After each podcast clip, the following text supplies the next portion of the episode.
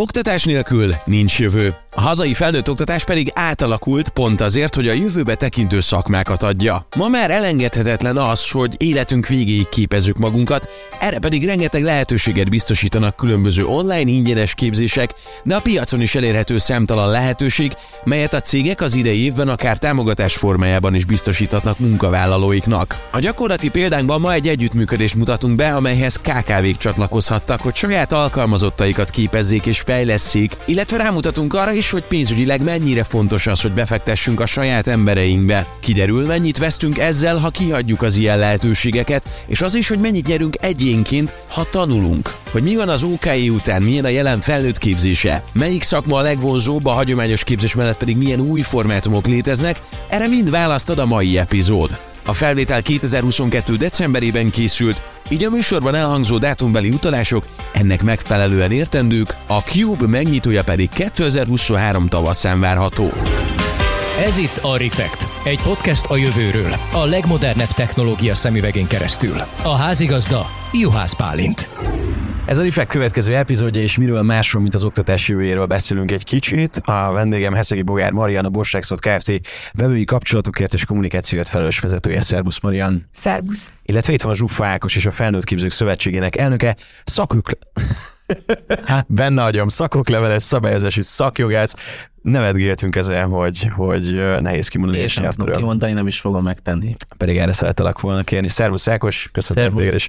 No, hát csapjunk bele az oktatásba. Engem az érdekel, hogy az utóbbi időszakban, hogyha egy fel tudjátok el, egy kicsit így emlegetni magatokban. Mi volt az utolsó dolog, amit egy ilyen képzés, workshop, vagy bármi kapcsán megtanultatok, magatokévá tettétek, és egy ilyen jól hasznosuló tudás a hétköznapokban is Hát nálunk a Bosch rengeteg oktatáson veszünk részt, most legutóbb egyébként tegnap voltam egy vezetőképzésen, amilyen nagyon emlékezetes, meg nekem egy ilyen life changer kategória, az a nemrégiben részt vettünk egy GTD, Getting Things Done képzésem, ami egy ilyen személyes hatékonyság, feladatkezelés, rendszer, egy, egy, egy komplex rendszer. Nekem az nagyon maradandó, és az tényleg ilyen alapvetően változtatta meg a szokásaimat. Mennyire tudott tartani az ott meghatározott lépéseket? Vannak jobb és kevésbé jó hetek. Szerintem ez mindenkinél így van. Amikor nincs rá idő, hogy működtessük a rendszert, akkor kicsit széthullik, de viszonylag jól be tudom iktatni ezt, és, és akkor viszont tényleg jól működik, és az a tapasztalatom, hogy megéri rászállni az időt, hogy működtessünk. A legutóbbi, amit emlékszem, az egy belső workshop volt a Innovation Kft-nél, amit vezetek. Egy szakértő barátomat hívtok el, aki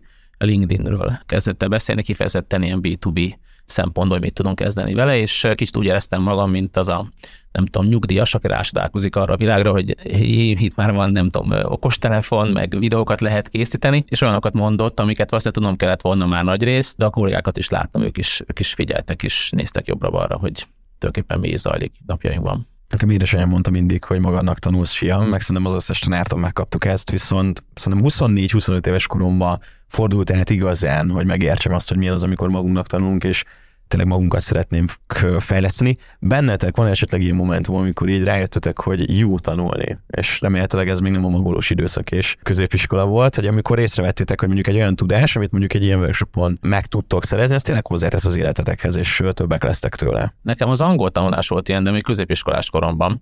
Már magolni kellett, mert a szavakat azok az embernek meg kell tanulnia, de az olyan volt, hogy nagyon sokat profitáltam belőle, már akkor meg később, így hiszen nem ismereti szempontból is érdekes volt. Bár azt akkor nem vettem észre 15 éves fejjel, természetesen most ismereti aspektusa is lehet ennek. Azóta meg állandóan, de, de én akkor nem nagyon hittem el, amit mondtak, hogy majd itt jön egy ilyen lifelong learning világ. Én azt gondoltam, hogy, hogy a középiskola megvan, megvan az egyetem, aztán láttam, hogy többen nem mennek el mindenféle másodiplomákra, akkor nekem is el kéne menni, aztán abba hagytam. De utána meg jött minden, és jön minden, és, és állandóan ezt látjuk, halljuk, hogy, hogy mindenki, mindenkinek újra kell tanulnia, ami a mi vagy mondjuk az én korosztályomban még furcsa volt, az most természetes, hogy mindenki mindent újra tanul, vagy megint tanul, vagy más tanul.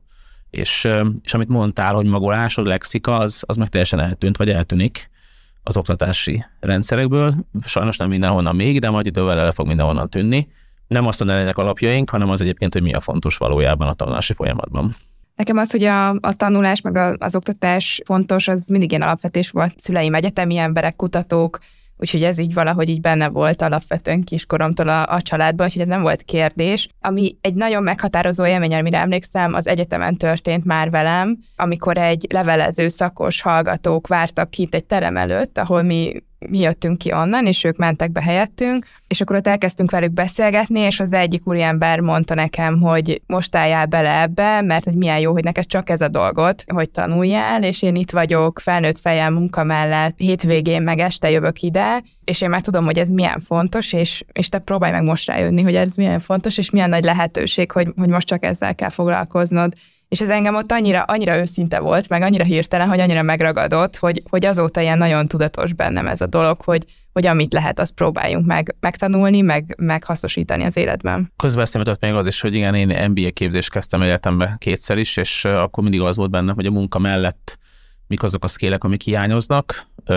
Ezt persze ne hallják a kollégáim, de hogy alapvetően ilyen pénzügyi, magasabb szintű ismeretek többek közt, vagy akár a statisztika, vagy most ez az ilyen adatelemzés, ami munka mellett, meg az életem mellett kvázi felnőtt fejjel vágtam neki, vagy bele, de szerintem ezek jó dolgok. Mindazonáltal most már nem ezt csinálnám, hanem valószínűleg ilyen, ilyen kisebb, rövidebb képzéseken vennék részt, ilyen mikro, mikro tanúsítványt adó mikrokalites képzésekkel, ami most ugye divatosabb, és úgyis ez a jövő. Mint hogy a videókat sem nézzük olyan sokáig, nem olvasunk annyit, vagy olyan könyveket, ezért ugyanúgy a képzések is egyre rövidebbek lesznek. Sok lesz, de az rövidebb. Meg sok a YouTube képzés is most, igen. amit negyed óra alatt meg tudunk tanulni. Igen, de már lassan az is sok lesz egyébként, igen, befogadásilag. De szerencsére azért van másfajta képzés is, úgyhogy ha nem a tipikus tanulni szeretnénk irány nézzük, hogy általános iskola, középiskola, egyetemi képzés, ezen kívül vannak ugye szakképzések, illetve felnőtt képzés is.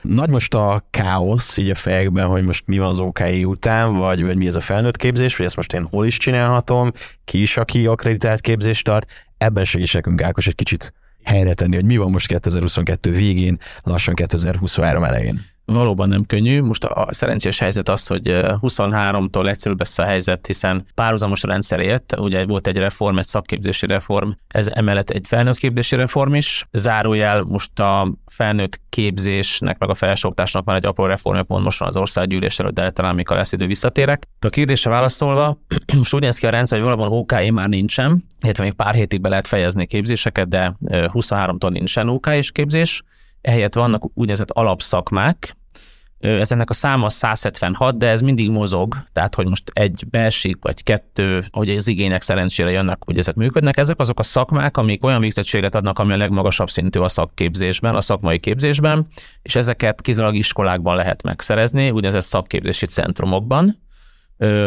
De hogyha ha valaki általános iskolából szeretne menni mondjuk szakképzési centrumba, akkor akkor neki ez ugye három vagy öt éves képzés lehet, attól függ, hogy milyen hosszút szeretne, hogy, hogy mondjuk akár technikusi szintet, akkor, akkor öt évesre fog elmenni. Ha pedig valaki felnőtt fejjel gondolkozik abból, hogy szeretne iskolapadba ülni, hiszen erről is beszélgettünk, hogy bejöjjünk-e vagy nem, de egy szakmát megtanulni és egy, egy ennek komoly végzettséget kapni, ezt is megteheti. Itt az jó hír az, hogy ez nem fog neki három vagy öt évig tartani, hanem ezeket egy, másfél, max. két év alatt megteheti a rugalmas tanulási formában, akár munka mellett, Szerencsére már a szakképzésben is vannak tananyagok, sőt digitális tananyagok, maga az a rendszer, ahol lehet tanulni, az is elektronikusan működik. Tehát igazából szakmafüggő, mert azért az furcsa, hogyha mondjuk valaki egy komoly gépész szakmát megtanul, és akkor nem találkozik sohasem a gyakorlattal, de a legtöbb elméleti dolgot meg lehet tanulni digitálisan munka mellett, és értem szóval gyakorlatot pedig akár a saját cégnél vagy máshol lehet végezni. Vicces módon pont egy régi barátom írt rám ma, mikor ide jöttem, hogy ugye kérdést fog föltenni, de szeretne hűtőgépszerelő képzésre menni, és milyen lehetőségek vannak, úgyhogy még nem írtam neki vissza a részleteket, de majd meg fogom tenni, vagy majd meghallgatja ezt a podcastot. Ez az egyik rész, ez a szakképzés. Emellett vannak úgynevezett részszakmák, amik ennél kisebb egységek, ezeket már lehet tanulni egyébként felnőtt képzésben is, aminek ugye jellemző az, hogy rövidebb típusú képzések, és nem kell hozzá az iskolapadba ülni. Tehát igazából a nagy szétválasztás az, hogy valamit csak iskolában lehet csinálni, vagy egyébként megteheti azt egy klasszikus felnőtt képző is, aki lehet egy civil szervezet, egy gazdasági társaság, vagy akár egy felsőoktási intézmény, és ez a két fő elem van, és nincsenek már ilyen A, B, C, meg D körös képzések, hanem, hanem minden más betevődött ezekbe az egyéb képzésekbe, és van egy köztes rész, csak hogy azért megkavarjuk a, a hallgatókat, amit programkövetelményes képzéseknek nevezünk, azokat lehet iskolában is tanulni, amit az iskola is szervezheti, meg egyébként a felnőtt képzők is. ez ilyen OK és soft, tehát olyanok, amik korábban az OK-ban voltak, de rövidebb képzések voltak, és talán nem is volt ott a helyük, mert túl rövidek voltak, vagy olyanok voltak, amik korábban nem ukáisak voltak, hanem a felnőtt képzésbe szerepeltek, viszont arra meg komolyabbak voltak, hogy mondjuk egy, egy vállalati tréningnek gondoljuk őket. Most bocsánat, a tréning szerintem egy nagyon fontos dolog, és néha egy, egy napos tréning többet ad, mint egy szakma, de ha nézzük így a, a szerepeket, akkor ez nagyobb az elválasztási elem. És ennek megvan most már a jogszabályi háttere, és szerintem egy 23-tól ez be is fog állni, és értető is lesz. Valóban nem könnyű egyébként, mert azt is halljuk hogy felnőtt oktatás, akkor mire gondolunk, mert ugye az nem képzés, hanem oktatás.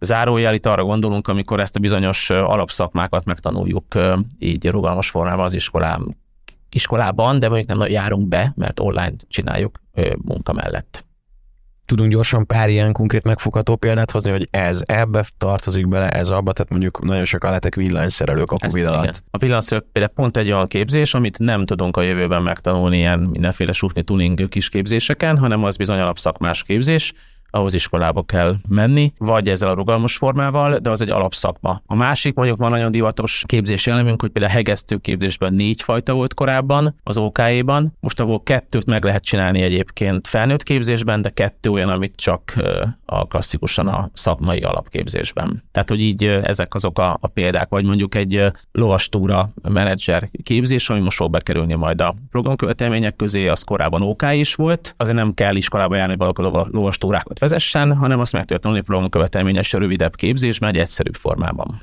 És ezeknek mondjuk az időtartama, tehát mondjuk ennek a program követelményes rendszernek mondjuk 6 olyan nap. klasszikusan ilyen 200 órás képzések, most valami 3-400, valami picit rövidebb, de mondjuk a 200 kötő 300 óra az, ami a standard, az alapszakmás képzéseknél 1100-1300 órákról beszélhetünk, ami persze csökkenhet, hogyha ez a rugalmas forma van, de így is jóval több, mint egy programkövetelményes képzés. Azzal kapcsolatban van esetleg bármiféle statisztikátok, vagy mérőszámotok, hogy melyek azok, most felsoroltál már pár nagyon népszerűt, amik mondjuk így a 2019 előtt sláger szakmának számítottak, most már nem, és egy ilyen bioldala a kérdésnek, hogy a, a cégek részéről érkezik-e ki is, akár egy képzésre, vagy igény, például ez a lovas dolog, hogy így átalakul. A lovas turizmus az pont onnan jött egyébként, kezdem a legegyszerűbbel, hogy van, volt ilyen igény, a piacon, és szerintem mindig az a leg, amikor piaci igény alapján indul el valami. Azért nem tudunk még pont a számokat mondani, mert ez az új rendszer, ez együtt él a, még a régi rendszerrel, tehát hogy azt mindenki, vagy nem mindenki, többen észrevették, hogy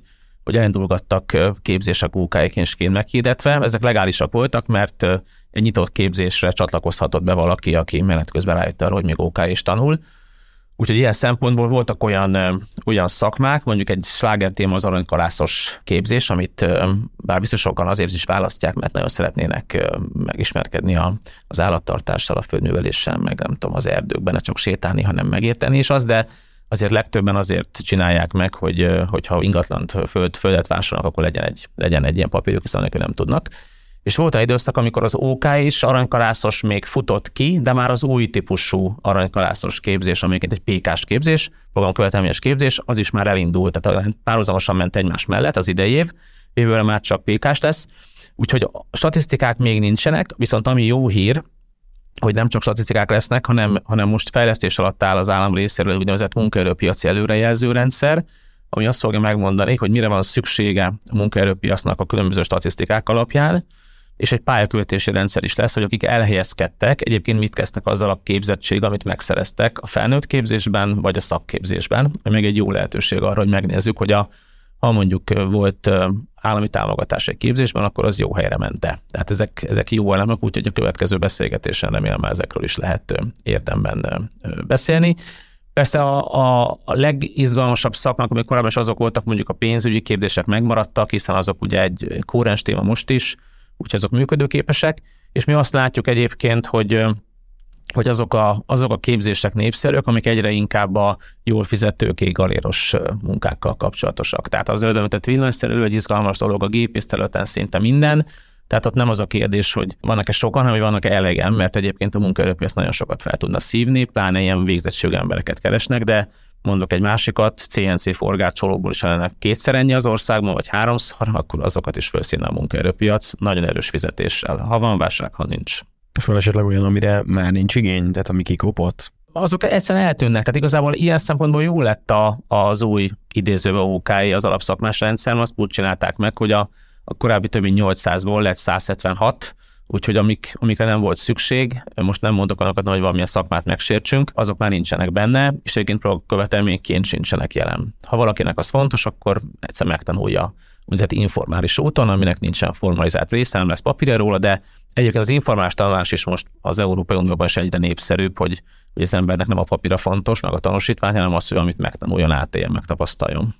És még magát a tananyagot azt kifejleszti, tehát hogy volt ilyen iparági összefogás, tehát hogy standardizálva lettek mondjuk azok a modulok, amik egy-egy tananyaghoz kapcsolódnak, vagy mondjuk ebben a programkövetelményes rendszerben, ha egy cég csinálja, ő határozhatja meg azt, hogy mi kerül bele. A jó hír az, hogy ennek a reformnak az is egy fontos eleme volt, szerintem az egyik legerősebb egyébként. Rájöttek arra, hogy ha mondjuk a gépész nézzük, meg szerintem itt jó olyan vagyunk, hogy mondjuk a gépész dolgokról beszélessünk, ami csoport szinten. Volt mindenféle gépész szakma, tehát most is van persze, és mindig mindenki elkezdte az alapokat is külön. Miközben egyébként ezeket együtt is lehetett volna, és mondjuk az alapképzés az közös mondjuk az összes gépész szakágnak, és ilyen szempontból a, a digitális tanulókat is úgy kezdték el elfejleszteni, hogy az alapozó szakmákat, tehát a szakmák alapjait kezdték el elfejleszteni, tehát ha mondjuk azt mondjuk, hogy van nyolcféle gépész részszakma, akkor abból a, közös messzetet csinálták meg először, ezek el is készültek egyébként, ezek állami fejlesztések voltak Európai Uniós forrásból, az állami intézményrendszer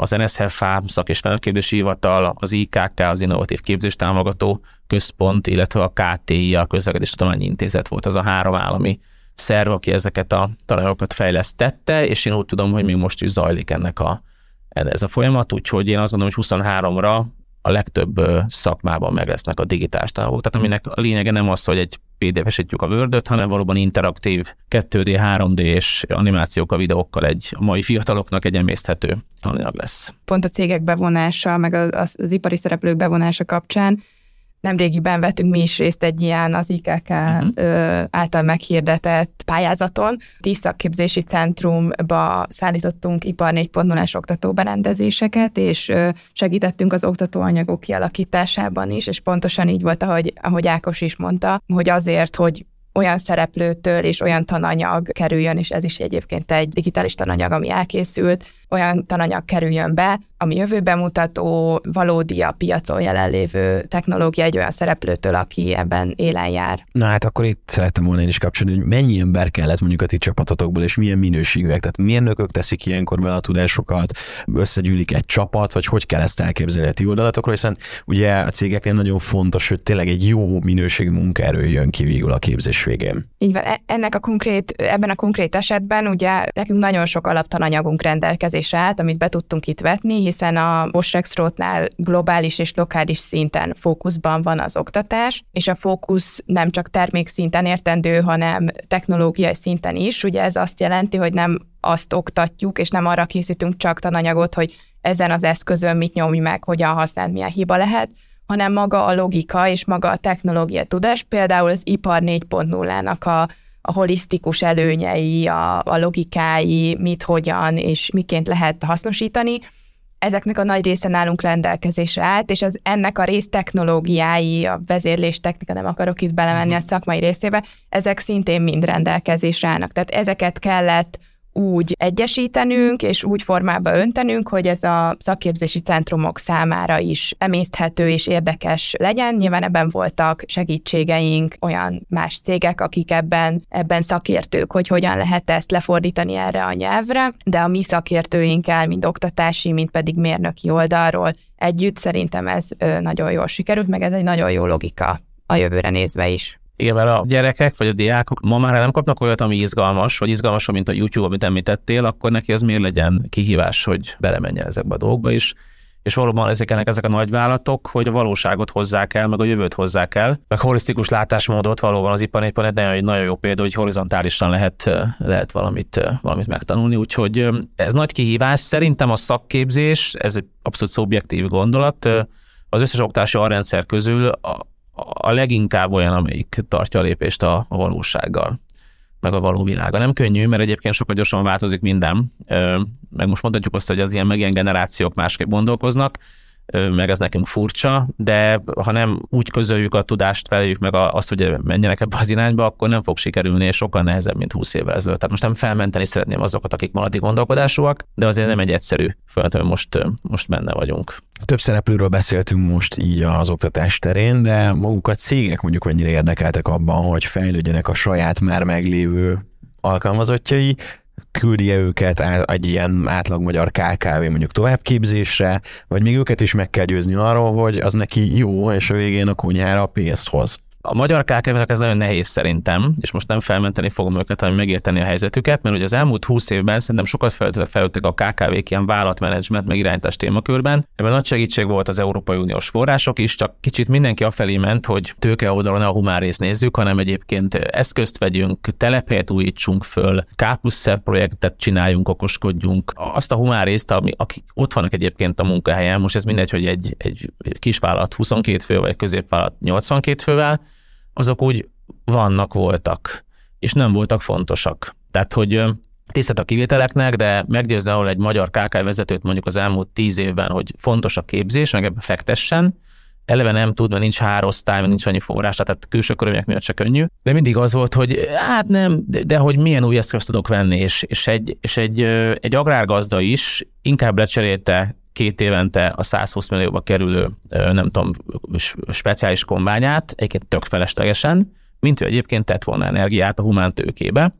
Aztán most, amikor egyébként nincsenek munkavállalók, akik mondjuk, akik mondjuk jól dolgoznának, motiváltak, és talán nem is kérnek annyit, amit ne tudnánk, tudnánk kifizetni, így az a kérdés, hogy valóban kezd fontos lenni a HR meg a képzés. A kérdés az, hogy hogy késő van-e már ehhez, hogy ezt fejleszünk, mert viszont ez nem egy olyan folyamat, hogy szükségem van egy új, nem tudom, lézervágóra, azt megrendelem és holnaptól azt üzemváltom, az embereket kiképezni, motiválni, megtalálni, onboarding folyamat STB, az stratégiát alkotni előtte, az egy fél kötővel egy év miközben a jövő záloga ez. Azok, akik ezt felismerték, és fontos az ember, láthatóan működőképes a modell, amit, amit csinálnak, és egyre több olyan megoldást látunk, hogy nagy vállalat mutatja meg magyar KKV-nak, aki szerintem ebben nem megy előre, az, az konkrétan el fog, el fog veszni, mert hiába van most is vagy van most éppen egy válság jelen pillanatban, a prosperáló cégeknél munkaerőhiány van, különösen kigaleros szakmában, és lesz is. És még egy elem,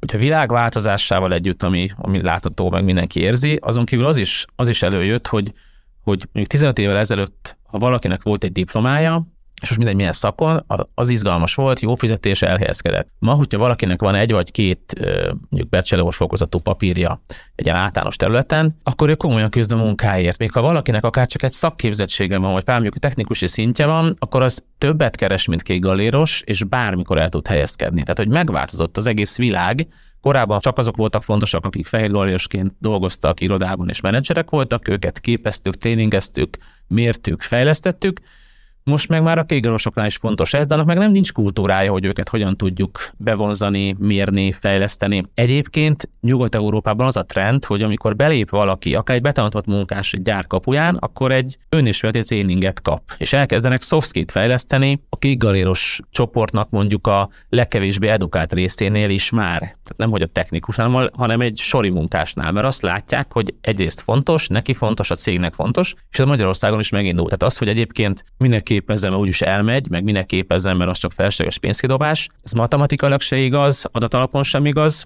de sajnos a KKV-k nagy része ezt még nem így látja. Marian, te hogy látod, hiszen nálatok képzés is van, tehát az oktatásról is foglalkoztok, nem csak a tananyagfejlesztésbe vetetek részt. Mi is látjuk ezt a fajta változást a logikában és a hozzáállásban. A megtartásban is azt látjuk, hogy egyre fontosabb szerepe van a nagyvállalatoknál és a KKV-knál is a, a képzéseknek. Tehát egyre több olyan cég keres meg minket, aki kifejezetten új technológiákat, érdekes képzéseket keres. Itt most a, az a megvalósított képzésekre is gondolok, amit kifejezetten azért szeretnének, mert nyilván a cégnek is használa válik, de magát a munkavállalót szeretnék így motiváltan tartani, inspirálni, ami később nyilvánvalóan visszaforog a cégnek a tevékenységébe. Egyre több ilyen megkeresésünk van. Most már nem csak az, van az egy bázis, hogy használható tudást szeretnének adni, gyakorlati alapú tudást, olyan, ami nehogy Isten hiányzik annak a, a munkavállalóknak, ez egy bázis, de egyre több ilyet látunk, ami a plusz motivációt hozza be. Ákos, kérlek, el tudod szélszelni mondani egy olyan KKV vezetőnek most azt, hogy fontos az oktatás, aki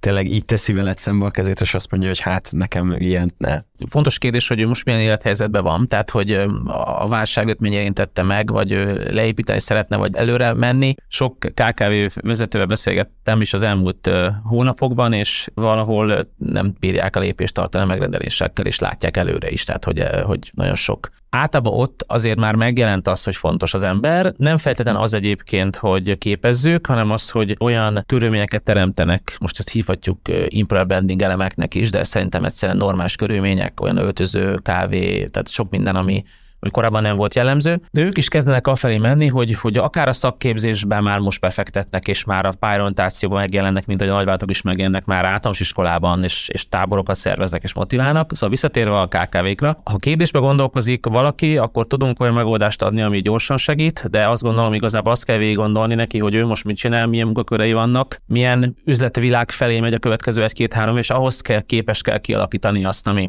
amire szüksége van, illetve meg kell nézni azt mérésekkel, adat alapon, hogy egyébként mik azok a kompetenciák, amelyek is szüksége van, hogy a munkába állói rendelkezzenek. Mert egyébként a, ez a lárpóleténéket tartunk típusú, vagy szakmázgatunk, annak nincsen értelme, hanem, hanem meg kell mérni. Ma már nagyon sok eszközmódszertan van, és ezekből az mérésekből jönnek ki azok a pontok, hogy látjuk azt egyébként, hogyha valaki most leépítésbe gondolkozik, akkor az sokkal többe fog kerülni, mint hogy egyébként átképezne néhány kollégát, konkrétan két-két és félszeres a szorzó. De amikor ezt így nem gondolja végig a KK hanem azt, hogy el kell küldjek embereket, akkor saját, hogy fogalmazzak, saját magát szúrja hasba az ilyen, ilyen dolgokkal. Tehát a képzésnél, mielőtt bárki belevágna, azt kell megnézni, hogy mire van szüksége, akiket fejleszteni kíván, azokat tényleg tudja fejleszteni, most a munkálókról beszélek természetesen, és utána nézze meg azt, hogy neki mire van szüksége, tehát milyen típusú képzési formára, szakképzésre, felsőfokú képzésre, felnőtt képzésre, vagy csak ilyen tűszerű mondjuk tréningekre vagy szakmai képzésekre, azt meg kell nézni, és egyébként, ha meg azt mondja, hogy jó, jó, jó, nekem ez szükséges vagy hasznos lenne, de hát ez pénzbe kerül, akkor meg nézze meg azt, hogy erre bizony vannak Európai Uniós források, és az, ez egy nagyon fontos dolog, hogy most, amikor nincs megállapodás még az Európai Unióval, vagy nem tudjuk, hogy épp milyen megállapodás van, a 2022-ben jelen pillanatban is több olyan ö, nyitva lévő pályázat van, ami 23-ban is nyitva van és lesz, ami ami képzéssel kapcsolatos. Tehát az sem igaz, hogy egyébként ne tudnának igényelni KKV-k ilyen forrásokat, csak egyszerűen fontosnak kell ezt tartani. Pont. Digitalizáció és ipar 4.0 szempontból van esetleg arra mérőszem, hogy a KKV-k hányad részének kellene tovább képezni a saját kollégáikat, tehát, hogy mennyire vagyunk lemaradva, vagy mennyire vagyunk up to date azzal, hogy mi történik a világban, és felkészülve a következő évekre. Szerintem mérőszámmal ezt nagyon nehéz ö, így definiálni. Nyilván érzéseink vannak, mint a piacon mozgó szereplőnek, aki azért ezt az zászlajára tűzte, mindenféle szervezetek mérnek fel azért, főleg cégek megkérdezésével ilyen témákat. Azt látjuk, hogy még néhány évvel ezelőtt azt mondhattuk, hogy vannak tévhitek, vagy erős edukációs hiány, ami miatt nem tud ez elindulni. Most azért már pont nem régiben néztem egy ilyen felmérés eredményét, hogy azért most már nagyon sok ilyen tudáshiány az finomodott. Most már inkább olyan témák vannak sok esetben, ahol nem hiszünk még annyira benne, mint amennyi van benne, tehát hogy, hogy most már azért látjuk, hogy van ebben potenciál, van, van ami miatt ezt érdemes elkezdeni, de nem biztos, hogy elég nagy potenciált látunk benne ahhoz, hogy megtegyünk egy, egy lépést, vagy egy nagyobb lépést. Ebben igyekszünk mi segíteni például oktatással a partnereknek, hiszen azt gondolom, hogy ez egy nagyon jó első lépés lehet az, az iránt, hogy, hogy megértsük ezt. És ahogy az előbb is említettem, ebben segít az, hogy itt nem a termékek képzéséről van szó, hanem értsük meg, hogy ez, ez miért jó, mert mi, mi komolyan hiszünk ebben. És mondom, ezt, az, ezt a fajta változást azért látjuk a piacon, de mindig van hova. Tehát ilyen szemléletváltoztatás. Igen, meg azért a mi zászlónkon is fönt van ez, de azért még szerencsére sok kormányzati zászlón is fönt van, sok más cégnek a zászlóján is fönt van, és mi együtt tevékenykedünk azért a piacon összefogva, hogy ez az edukációs hiány megszűnjön, és hogy, és hogy minél többeket be tudjunk ebbe vonzani, és ennek azért van eredménye. Valóban a statisztikák ugyanazt gondolom én is, tehát hogy lehet sokfélét elővenni, mert vannak EU-sak, hazaiak, a másképp mér a Magyar Statisztikai Hivatal, másképp az EU-stat. Van egy olyan kérdés, hogy az elmúlt négy hétben részt vettél a felnőtt képzésre az elmúlt egy évben, hogy most hány éveseket hallgatunk, de sokféle verzió van. Egy biztos, hogy nagy átlagban le vagyunk maradva az EU-s átlagtól mondjuk a felnőtt képzést illetően, meg a digitalizációs tudást illetően is, De a jó hír az, hogy azért tartjuk a lépést, mert mindig növekszik a szám, csak sajnos egyébként Nyugat-Európában is, vagy szerencsé ott is növe, növekszik a bevontak száma.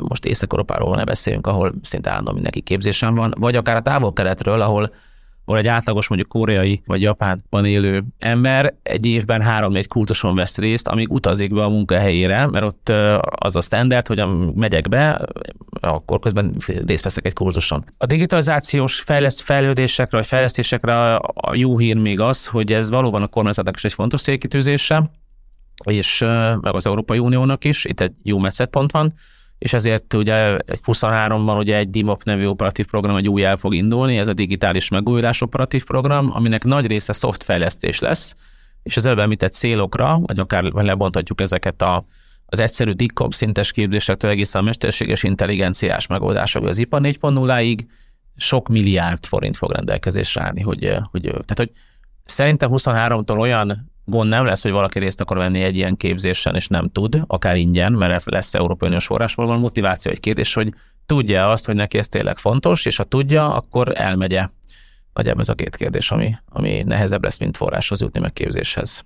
Egy ilyen ipari felnőtt képzés ismérveit szeretném veletek összeszedetni, hogy, hogy milyen dolgok, mik azok a konkrét megfogható dolgok, amik mondjuk egy régebbi, régebbi képzéssel ellentétben most már ott vannak. Tehát, hogy megfoghatom azt a gépet, azt a modern gépet, kipróbálhatom, nem magolnom kell a vonaton befelé, mert ugye, hát nem tudom, azért a 8 órás munkaidőn kívül nagyon sokan uh, inkább pihennek, és mint sem, vagy nem tudom, tiktokoznak a vonaton, mint sem, hogy tanuljanak. Ez, ez igaz egyébként, ha megnézzük a dél, mondjuk akár a távolkednek ezt a részét, a fejlődési ívüket, hogy hol volt mondjuk dél 50 évvel ezelőtt, vagy akár a Japánban fejlődése, akkor, akkor valóban ez persze lehet őket munkaőrültnek nevezni meg, hogy nem mennek szabadságra, de Hát ez egy más kultúra, tehát ö, szintet lépni így lehetett. Hogy ez jó vagy nem jó egészségügyi szempontból, meg, meg magány szempontból, itt azért én, én szkepsz, van egy kis szkepszisem, de visszatérve, a, hogy igen, vannak ezek a technológiák, vagy akár most vannak véres megoldások, meg ARS megoldások, ezzel meg lehet fogni a fiatal generációt is, tehát szerintem ezek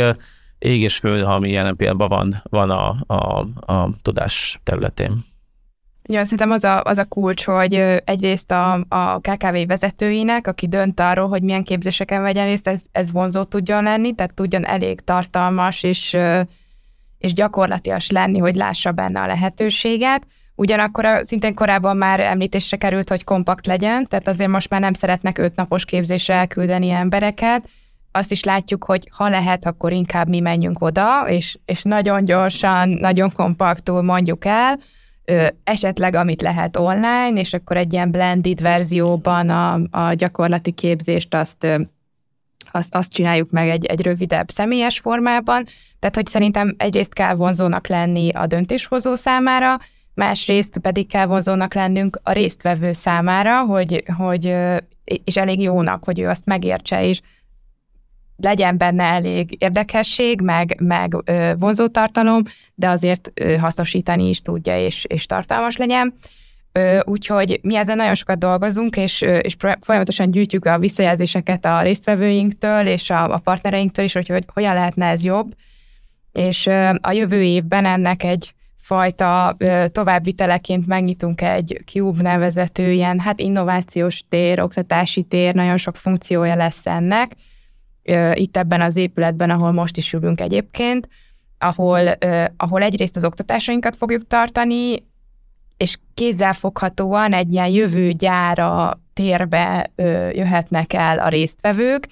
Ezzel azt szeretnénk elérni, hogy gyakorlatilag bármilyen képzésben veszünk részt, legyen az egy hidraulika alapjai képzés, vagy, vagy bármilyen alap technológiai képzés, kapjanak a résztvevők egyfajta ilyen kitekintést, hogy milyennek a szélesebb és a jövőben mutató szkópja, hogy tudjuk őket inspirálni, és ugyanakkor persze itt még bejön az, hogy mi is használunk AR szemüveget bizonyos képzéseken, ilyen ergonómiai feladatok elvégzésére, tehát hogy próbálunk minél több érdekes tartalmat és eszközt bevinni az oktatásokba, hogy egyrészt szemléletesebb, hasznosabb, másik vonzóbb legyen. Ez izgalmasan hangzik, mert eddig, vagy én korábban, amikor ilyen képzéseken jártam, akkor maximum beszéltünk ezekről az ipari megoldásokról, mert hogy nem tudom, egy nagy autógyárba nem tudsz bemenni, mert akkor a hétpecsétes lakat őrzi ezt az egészet, hogy maximum, ha már ott dolgozol, és akkor is három kordonról csinálhatod ezeket, akkor ezek szerint itt ki lehet majd próbálni dolgokat, és a modern ipari gyárakban megtalálható eszközök testközelből láthatóak lesznek. Így van, ez egy komplexebb tér lesz, tehát hogyha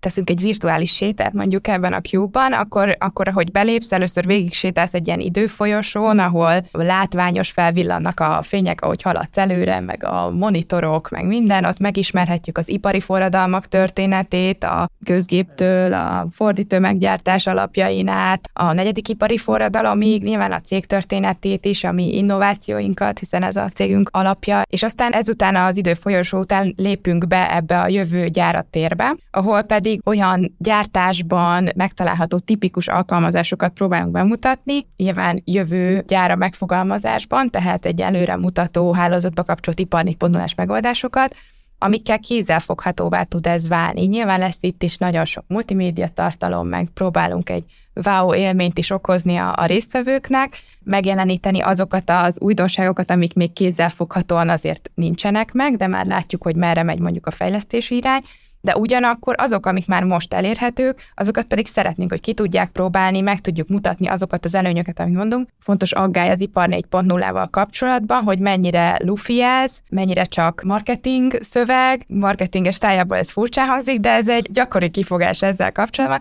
Tehát tegyük ezeket kézzelfoghatóvá, hogy lássák a résztvevők, ezért is hívjuk Cube-nak, ami Customer Benefit-et jelent, tehát vevői előnyöket, úgy fogalmazzuk ezeket meg, hogy a vevő vagy a látogató tudja beleérezni magát ebbe a helyzetbe, és látni azt, hogy neki milyen hasznokat fog ez jelenteni. És lesz itt mobil hidraulikus alkalmazástól kezdve, ami ilyen munkagépekre szerelhető oszlopkörbevágó berendezés, szintén hálózatba kapcsolt hidraulikus rendszerekkel, lesz ipari hidraulikus rendszer, lesz egy nagyon speciális kávéfőző, ami egy energiahatékony fordulat szemszabályzott szivattyúhajtással van összekötve, de főz kávét. Uh-huh.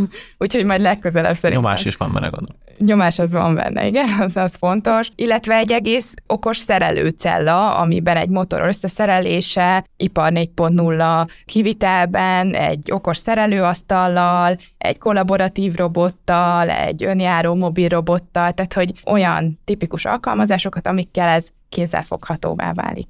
Ákos szemébe felgyullant a Nagyon, fény, így a tényleg. PK képzés keretében eljönne a Q-ba, így látom. Abszolút, de nem, tényleg ez Szeretettel várunk. Jó dolgok egyébként, igen. Mindenkinek szeretnénk ezt kinyitni, tehát hogy ez nagyon fontosnak tartjuk, hogy akár szakképzési centrumok, akár középiskolák, akár, tehát bárki, akit ez érdekel, azt szeretettel várjuk, nem csak a partnereinket vagy vevőinket, természetesen őket is, de bárkit, akit ez a téma érdekel, azt szeretettel várjuk, és a honlapunkon egyébként már meg is található az előregisztráció a jövő évre, úgyhogy bárki, akinek ez felkeltette az érdeklődését, azt várjuk. Majd. Tehát bár, bárki, bármilyen cégnél dolgozik, és szeretne mondjuk benézni ebbe csak így szimla civilként, mert mondjuk átképezni magát a jövőben ilyen ipari környezetbe, vagy ipari munkaerője, az jöhet, és akkor benézhet hozzátok. Így van. Mikortól nyílik ez? Jövő év elejétől még pontos dátumunk nincsen, de aki előjelentkezik, azt mindenképpen fogjuk tájékoztatni. Hogy... Mindenféleképpen adják meg az e-mail címüket. És marketing megoldás. Ákos Marian, egy dolog, amiről még nem beszéltünk, mert a tananyagról beszéltünk, arról, hogy mi van benne, ez fontos, de az oktatók. Uh-huh. Ugye van külön szakoktató képzés, mert nagyon sok ilyen gyár, nagyon sok ipari létesítmény külön oktatói bázist tart fent, tehát olyan személyeket, akik hasonlóan versenyezve egy YouTube-ból, egy TikTokkal izgalmasan tudják a tanulókat, fiatalokat, vagy a képzésben részvevőket bevonzani. Tehát, hogy mennyire fontos szerintetek, hogy egy jó oktató, egy izgalmas oktató legyen, és van-e ilyen ebből itthon? Szerintem nagyon fontos a jó oktató, kulcs szerepe van ebben, tehát mi oda tehetjük alá ezeket a nagyon fancy eszközöket, meg modern és vonzóbbá tehetjük a teret, de az oktatónak szerintem mindig is kulcs szerepe volt és lesz ebben a történetben, még akkor is, hogyha ez egy blended oktatás, és mondjuk a fele az e-learning tananyagban történik, a személyes oktatásban és a gyakorlati oktatásban pedig kiemelten fontos szerintem, hogy úgy adhassuk ezt át, hogy egyrészt érdekes legyen, akár szórakoztató is legyen, de hogy érezze azt, szerintem minden képzésnek az a halála, amikor úgy mész el, hogy jó, de én ezt holnap hogy fogom használni de nem mindannyian voltunk már ilyen képzésen, de szerintem, szerintem ez a legborzasztóbb, hogy nagyon érdekes volt, meg jól éreztem magam, de mit csinálok vele, vagy hogy fogom ezt átültetni, és szerintem ebben nagyon fontos szerepe van az oktatónak. Így van, kiemelten fontos. Itt a korfa egy érdekes kérdés, hogy ugye a sok szaki nyugdíj közeli vagy nyugdíj állapotban van, tehát hogy itt a szakoktatók pót, nem is pótlása, utánpótlása egy fontos kérdés, amit valószínűleg nem céges szinten, hanem így ilyen, nem is kormányzati, hanem ilyen társadalmi szinten érdemes megoldani, tehát ebben motiválni mindenkit, aki ebbe szereplő vagy aktor lehet. A másik egy ennek speciális vetülete, hogy mi azt látjuk most céges oldalról, vagy ilyen szolgáltató oldalról, hogy több olyan megkeresés érkezik hozzánk komolyabb magyar gyárak, üzemek részéről, hogy az ott dolgozók képzését azt nem feltétlenül külső szereplőkkel szeretnénk megoldani, hanem belső. Hivatjuk őket mentornak, trénernek. De hát ki az, aki ezt be tud segíteni? A műszakvezető, a sorvezető épp az, aki egyébként a, egy adott csoport fölött áll, viszont nekik meg a kérdés az, hogy vannak olyan skilljeik, hogy tudjanak segíteni. Mert egész más, amikor valaki egy jó szaki, meg egy jó vezető, de hogy egyébként mentorként, meg trénerként meg tud, vagy coachként jelenni a saját csapatában, kis mikrocsapatában, az egy érdekes kérdés, és azt látjuk most, hogy erre kezdenek akár több ezer fölfolyt foglalkoztató cégek is ráállni, és több megkeresésünk van, hogy ebbe segítsünk egy know átadni, hogy hogyan tudják kiképezni az embereket, akik majd képzik egyébként a saját embereiket bent. Nem feltétlenül szakmai, hanem inkább ilyen, ilyen vállalati, operatív működési, meg ilyen, meg ilyen mentális dolgokra, mert ez is fontos. Visszatérünk egy korábbi témához, de hogy ez is oktatói képzés, mert mert ő tud neki segíteni, aki ott van mellette egész nap. Úgyhogy ez egy, egy, egy új, új kívás. Ilyen korábban nem találkoztunk, de, de vannak nagyon jó megoldások itthon, a külföldön is erre. Az általatok elmondott alapján én azt érzem, hogy 2023-tól, tehát akkor ez a rendszer egy stabilabb lesz, tök jó alapokat kapott, céges oldalról meg van támogatva, tehát nagyon jó a nagyag is. Ti mit vártok a következő évektől, milyen típusú fellendülésre, vagy itt a válság, de hogy fog-e látszódni, változni számokban, akár árképzés tekintetében, bármiben az, hogy a magyarországi képzés és az ipari cégeknél dolgozó emberek tömege jobb termelékenységet hoz elő. Én optimista vagyok, úgyhogy igen, Szerintem a helyzet egyre jobb lesz, reméljük, csak a szemletnek kell kicsit megváltoznia, meg ezeket az új dolgokat, akár itt az ipar 4.0, meg az sok-sok megoldást, amit hallottunk, meg azt a, most minek hívjuk, beszéltünk itt az előbb a távolkeletről, línes szemléletnek, de azt akkor vigyük le nem a menedzsment szintjére, csak hanem a idézve legutolsó munkás kollégáig is, ami nem egy egyszerű feladat, ezzel komoly nyugat-európai cégek is évekig foglalkoznak, de, de a termelékenység meg a hatékonyság meg az eredményességnek a, az áloga a képzésben rej, is rejlik, és egyre inkább ott rejlik, hogy a humán faktorban, meg a képzés egy, egy fontos eszköze lehet a fejlesztésben, és azt gondolom, hogy a sok-sok technológia változás is, is segít, a COVID is sajnos segítette egyébként a képzési területek a, a fejlődését, ha megnézzük az EdTech vagy az Education Technology cégek az elmúlt években dinamikusan, ilyen robbanásszerűen nőttek a világban, vagy így Magyarországon is, és ilyen korábbi divatos bázördök, hogy fintek és különböző pénzügyi területekről az EdTech oldalra mennek át a befektetők a világban mindenhol, mert látják ennek a fontosságát, hogy az oktatás az mindenhol fontos, legyen mikroszinten is az mindenkinél. Szerintem nincs más, mint hogy javuljon, és hogy, hogy előre menjünk, és szerintem ez igaz akár a felvevőpiac részéről, akár az oktatásban résztvevő szereplők részéről, tehát nekünk is fel kell ahhoz nőni, mint mondjuk oktatási szereplőnek, piaci szereplőnek ahhoz, hogy milyen utakon és milyen módokon tudjuk eljuttatni a tudást a, a felvevő piachoz, például mondjuk egy podcast segítségével, vagy hogy mik, mik azok az utak, ahol ezt el tudjuk úgy juttatni, hogy, hogy célba találjon az üzenet, és hogy érdekes legyen és, és hasznosítható. Egy ilyen kis globális kitekintésképpen szerintem azért is nagyon fontos, mert a felnőtt oktatás maga, van egy ilyen felnőtt oktatásért felelős nemzetközi tanács,